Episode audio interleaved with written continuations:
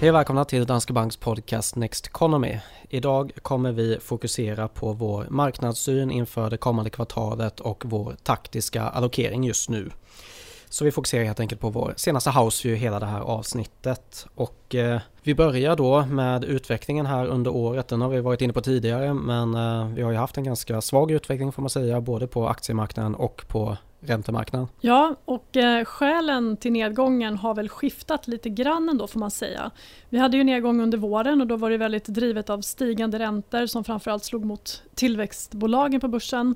Och då var det ju USA som föll väldigt tungt och man såg också på ett globalt eh, tillväxtindex att det var ner nästan 30% medan ett värdeindex höll upp väldigt väl då.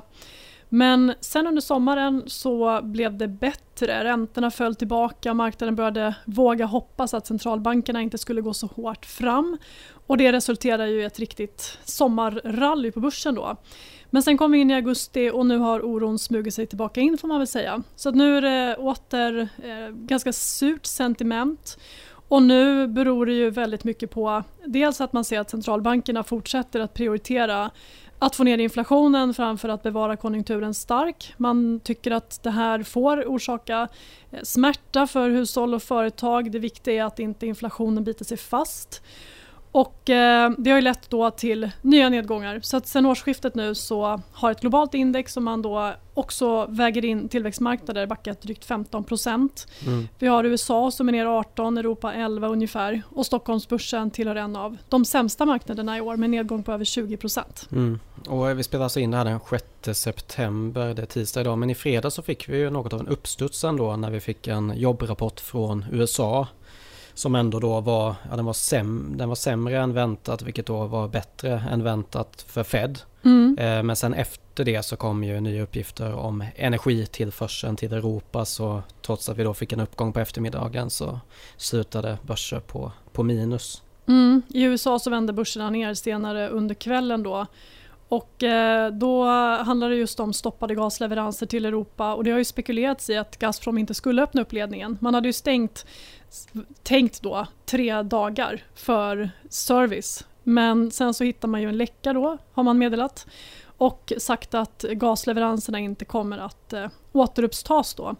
Och det är klart att det här gör situationen än mer allvarlig och vi såg kraftiga prisuppgångar på europeisk gas när marknaden öppnade på måndag morgonen. Så att för Europa så gör ju det här att situationen ser ännu mer ansträngd ut för vintern då. Så mm. att ännu ett orosmoln eh, har blivit större kan man väl säga eller materialiserats. Ja. Eh, en effekt också av eh, den penningpolitik som vi har sett i USA. Det har gått lite fram och tillbaka om man antingen tror att de ska vara mer hökaktiga eller mindre hökaktiga här under året. Men något som man kan se är ju också att eh, dollarn har stärkts och det är ju delvis på grund av det att de ligger före i, i penningpolitiken. Och det där har ju haft effekt då för en svensk investerare i år. Alltså kronförsvagningen har ju varit kraftig hittills. Den har varit nästan 18% under året. Och eh, så även då om man har haft mycket aktier i portföljen och globala aktier så har det fortfarande kunnat vara positivt med tanke på, på kronutvecklingen. Men däremot om man kollar i lokalvaluta så har ju alla börser fallit, förutom kanske japanska börsen. Mm, och det här syns ju exempelvis på en, en aktiefond som jag var inne och tittade på igår bara, eh, men AP7 aktiefond som många PPM-sparare har om man inte har gjort något annat val. Den har ju inte backat mer än 5% ungefär mätt i svenska kronor. Så att har man ett, eh, ett premiepensionssparande som ligger där så har det klarat sig väldigt väl. Även amerikanska fonder och globalfonder som inte innehåller väldigt mycket Sverige då, eh, har också klarat sig förhållandevis bra det här året. Mm. Så kronan har fungerat som en stötdämpare i en, eh, ett globalt sparande och ja. det är positivt. Och om vi går vidare och pratar lite om vad som bidrog, eller som var en stor bidragare förutom penningpolitiken förra året så var det ju vinsttillväxten i bolagen som var väldigt stark under 2021. Och eh, där finns det ju då, det finns tendenser som visar att det kommer se värre ut i år. Det har ju redan sett sämre ut än vad det gjorde under förra året. Det var ganska dopat i och för sig på grund av 2020 då. Men eh, sen så kan man se det på marginaler också, att det börjar bli tuffare för företag, ökade energikostnader även för dem såklart här i Europa. Så eh, ja, hur ser det ut i bolagen? Ja, men det syns ju tydligt att det är lite tuffare tider på gång och precis som du säger så var ju pandemin väldigt speciell för när den bröt ut så stod det ju först klart att det här var en väldigt djup kris och eh, vinsterna föll väldigt kraftigt under första och andra kvartalet efter att eh, de första nedstängningarna infördes. Då. Men det som det här förde med sig det var ju att bolagen har väl aldrig så fort dragit i handbromsen vad gäller alla typer av kostnader. Så att man kapade kostnaderna kraftigt och samtidigt då så blev ju varukonsumtionen skyhög. Därför att vi inte kunde konsumera resor och eh, andra tjänster så som vi brukar. Så att resultatet av det här blev ju att på börsen då, där varutunga bolag väger tungt, steg vinsterna kraftigt och vi hade extremt hög vinsttillväxt. Under 2021 så blev den ju dubbelt så hög som man väntade sig när man gick in i året.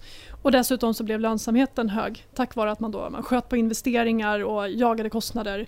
Eh, ja, för allt vad man var värd helt enkelt. Så det här ledde ju till hög lönsamhet, mycket hög vinsttillväxt och det vi ser nu då, det är ju att estimaten för vinsterna både i år men också nästa år har börjat justeras ner. Mm. Samtidigt så tror jag att det här är bara början. Vi kommer se mer av den här varan i takt med att det här smyger sig in i estimaten. ofta så är det så att analytikerna är ganska långsamma med att ta in det.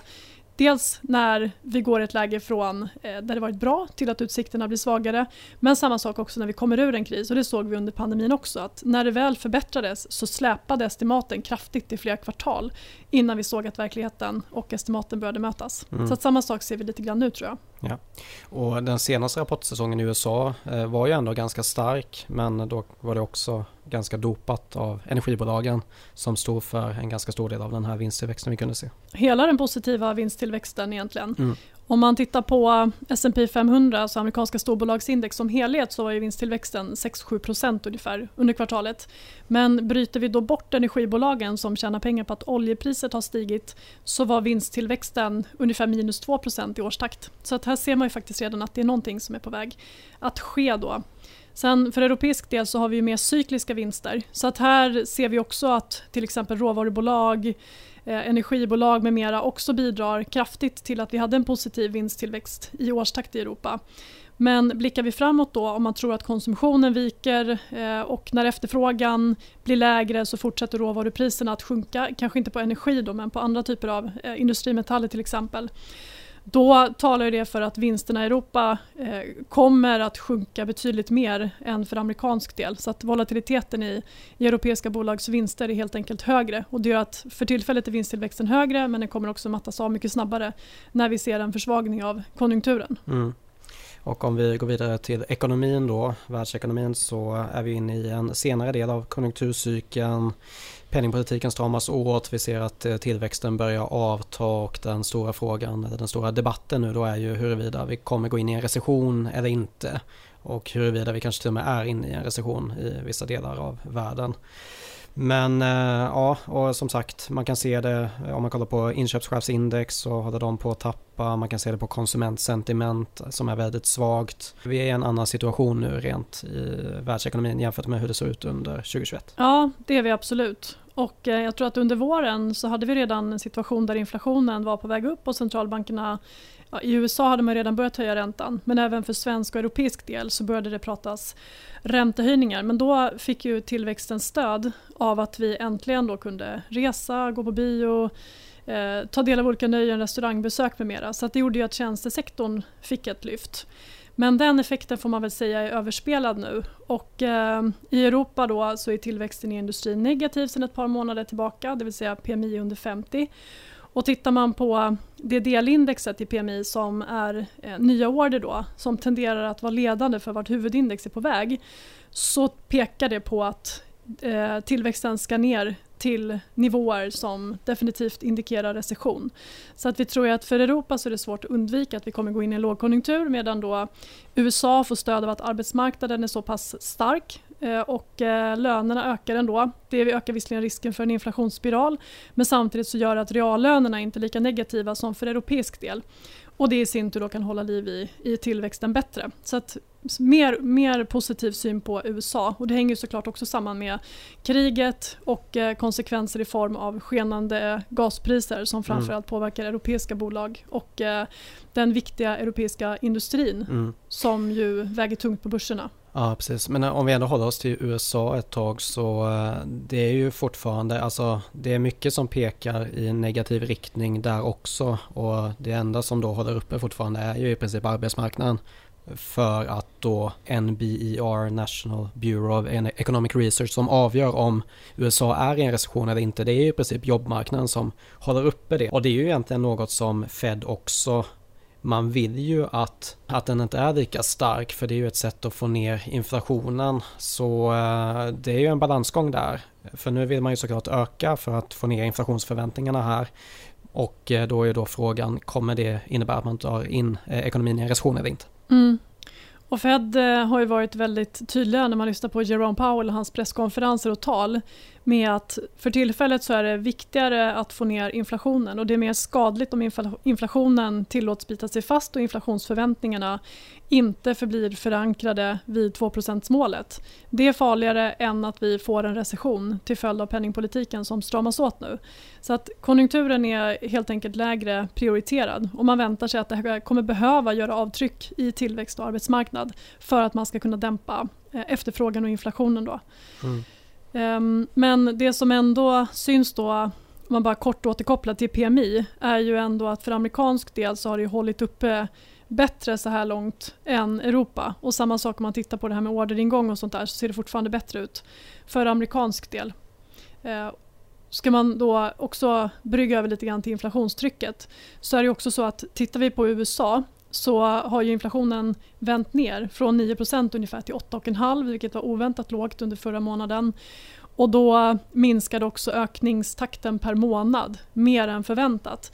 Så att mycket talar ju ändå för att i USA så har nog inflationen toppat och den kommer gradvis bli lägre.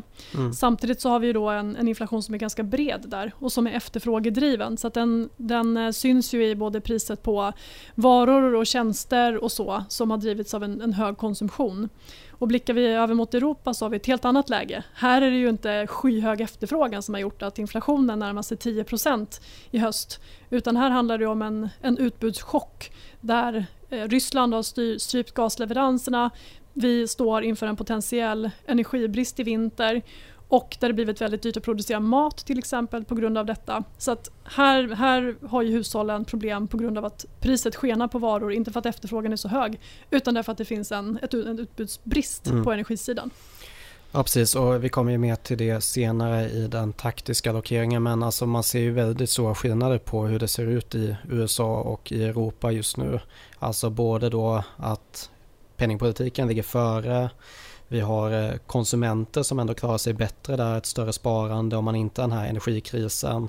Så även om man får stigande räntor så har man inte samma press på konsumenterna där. Så eh, det, det, finns många saker som gör att USA ser ut att ha det något bättre relativt här framöver. Mm. Och den här stora osäkerheten som vi såg kring USA snarare kring årsskiftet när Fed då började göra den här penningpolitiska utsvängen den är ju inte riktigt lika hög längre utan jag skulle säga att där, där kan man nog säga att osäkerheten har minskat lite grann kring utsikterna och eh, kring, kring eh, hela inflationssituationen. Mm. Och så är det ju inte alls för europeisk del. Vi går vidare och pratar om just den taktiska allokeringen och eh, där har vi gjort en, en förändring då mot bakgrund av det som vi pratade om nu med den här recessionsrisken och det är att vi har gått undervikt aktier och då övervikt i obligationer. Ja, och det handlar ju precis om det här stramare penningpolitik först och främst och högre räntor som väntas dämpa efterfrågan i ekonomin och det har ju lett till att tillväxten snabbt då har mattats av och vi har negativa reallöner i stora delar av världen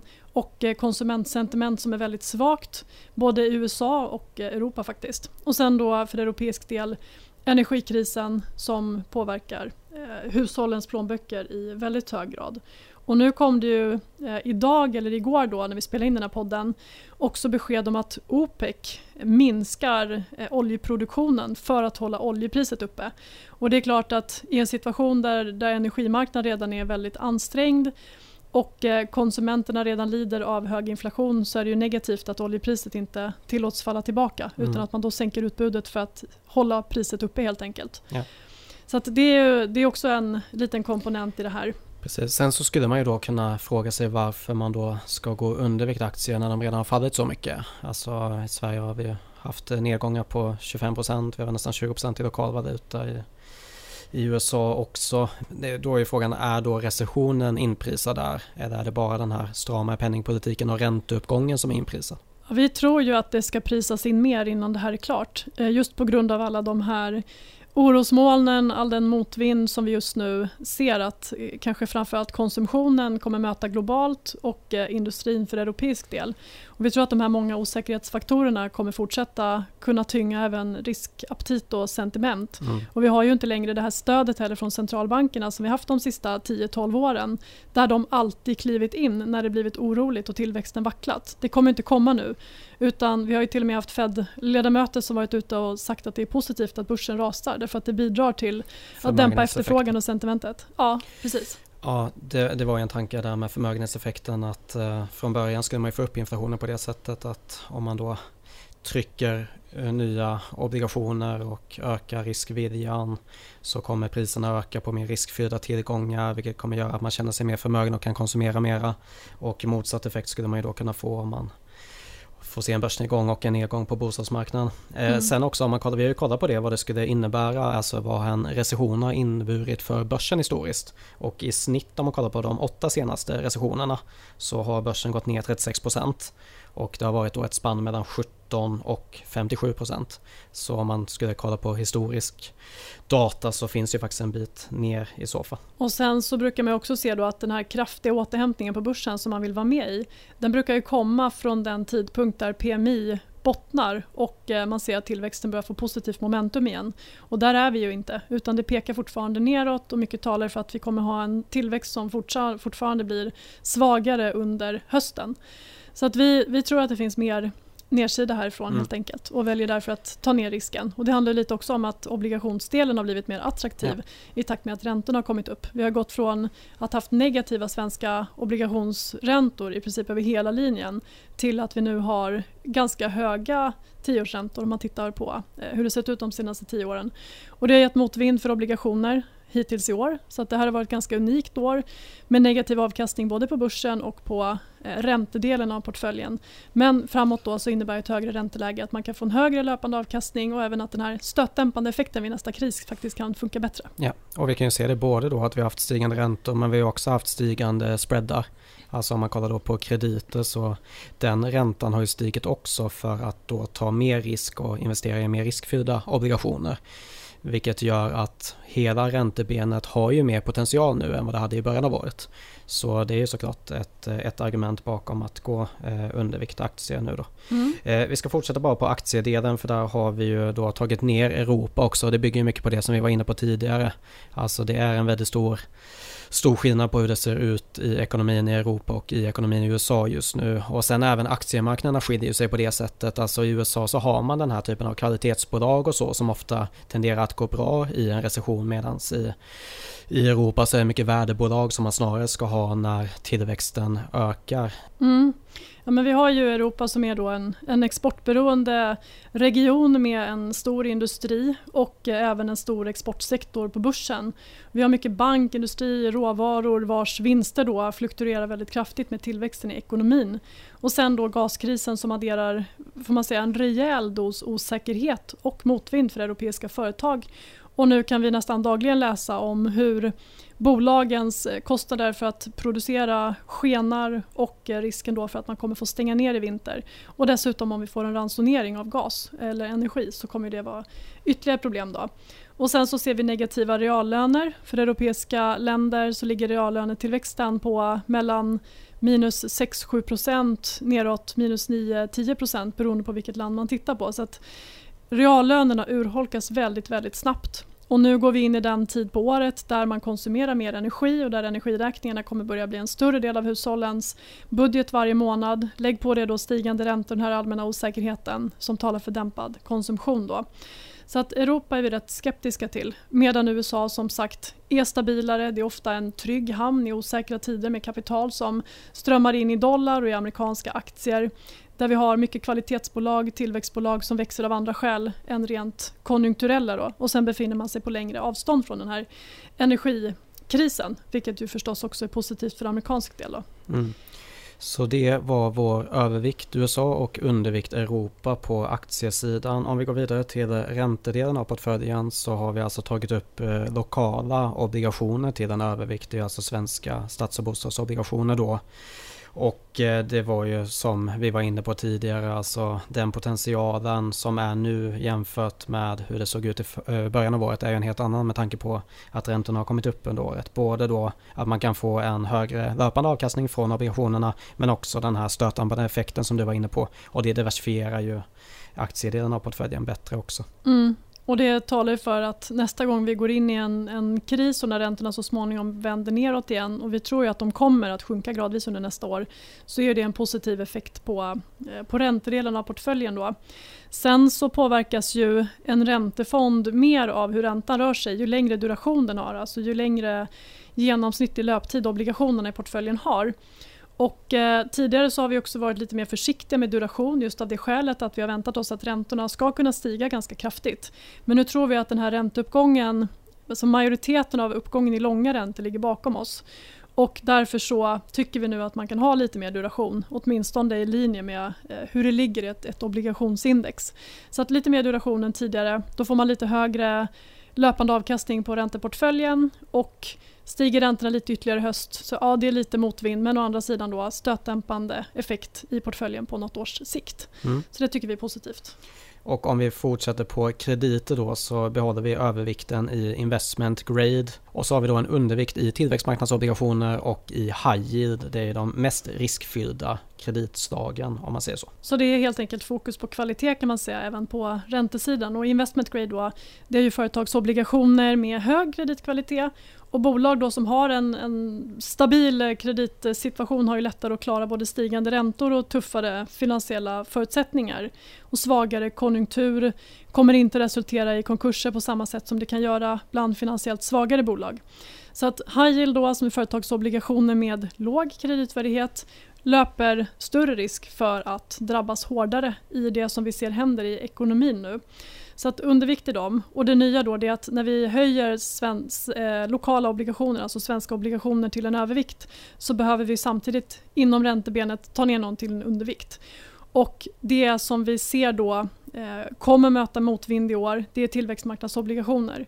Risken där är hög från början och sen så har vi då den här starka dollarn och stigande amerikanska räntor som är ett problem för tillväxtmarknader och företag i tillväxtländer med skulder i dollar. Mm. Därför sen... att när dollarn stärks och räntorna stiger så blir det dyrare att betala, eh, betala de eh, räntorna helt enkelt. Mm. Och sen har vi Kina också som ju är en motvind för tillväxtmarknader i, i dagsläget. Ja, och sen kan man väl också bara nämna då att det som har varit argumentet för att äga den typen av högriskobligationer under många år det är ju just att centralbankernas stödköp och det här låg eller nollränteläget i hela västvärlden har gjort att investerare har tvingats längre ut på riskskalan för att få någon avkastning på sparande och då har ju tillväxtmarknadsobligationer till exempel sett relativt attraktivt ut med höga räntenivåer.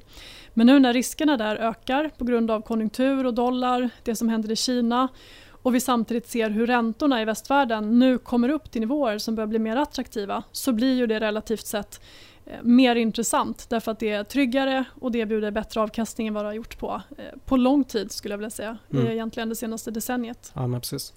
Och eh, det här är ju på marginalen som vi brukar prata om också. Vi slänger ju inte ut någonting ur portföljen. Det här är bara en förändring på toppen. Vi tycker att man ska vara långsiktig, man ska ha en bra strategisk portfölj som grund och då beroende på sin risknivå då så ska man kanske ha både aktier och räntor i portföljen och sen ska man hålla det på lång sikt. Och de här små justeringarna vi gör då på 3-12 månader det är ju som sagt på toppen. Så man får inte glömma bort det här långsiktiga och att det är det som är fokuset från början. Mm. Och den här goda diversifieringen och riskspridningen som gör att man inte bara sitter med allt för mycket svenska aktier eller allt för mycket tillväxtbolag som också har farit illa i år. Utan riskspridning, långsiktighet och lyssna gärna på, på nyhetsflöden och, och kortsiktiga tips men fäst inte för mycket vikt vid dem sen när du ska göra någonting därför att det är svårt att tajma marknaden och svårare än någonsin förstås när osäkerheten är så här hög och kursrörelserna enskilda dagar är väldigt stora. Så det är lätt att börja koppla på känslorna för mycket helt enkelt i ett sånt här läge. Mm. Och vi försöker ju inte heller, ska jag addera till det du sa, eh, att vi försöker ju inte på något sätt tajma marknaden utan vi tittar på de stora skeendena i ekonomin, på tillväxt, på räntor, inflation och penningpolitik och sen så gör vi då förändringar på toppen av portföljen. Så att ja. inga, ingenting som skälper eh, portföljen helt enkelt. Nej. Så global riskspridning och en portfölj som passar just dig, det är alltid utgångspunkten. Bra, med det så ska vi avrunda för idag. Ni får som vanligt gärna ställa frågor i avsnittsbeskrivningen eller så får ni kontakta oss på Twitter. Nästa avsnitt kommer igen om två veckor. Gå gärna in på nexteconomy.se innan dess. Det är vår nyhetssajt och där hittar ni både filmer, bloggar, krönikor och eh, annat som beskriver vår syn på det som händer på marknaden och vår investeringsstrategi med mera. Och hur man ska agera när det är stormigt på börsen. Med det tackar vi för den här gången och så hörs vi igen nästa gång. Tack och ha en fin vecka.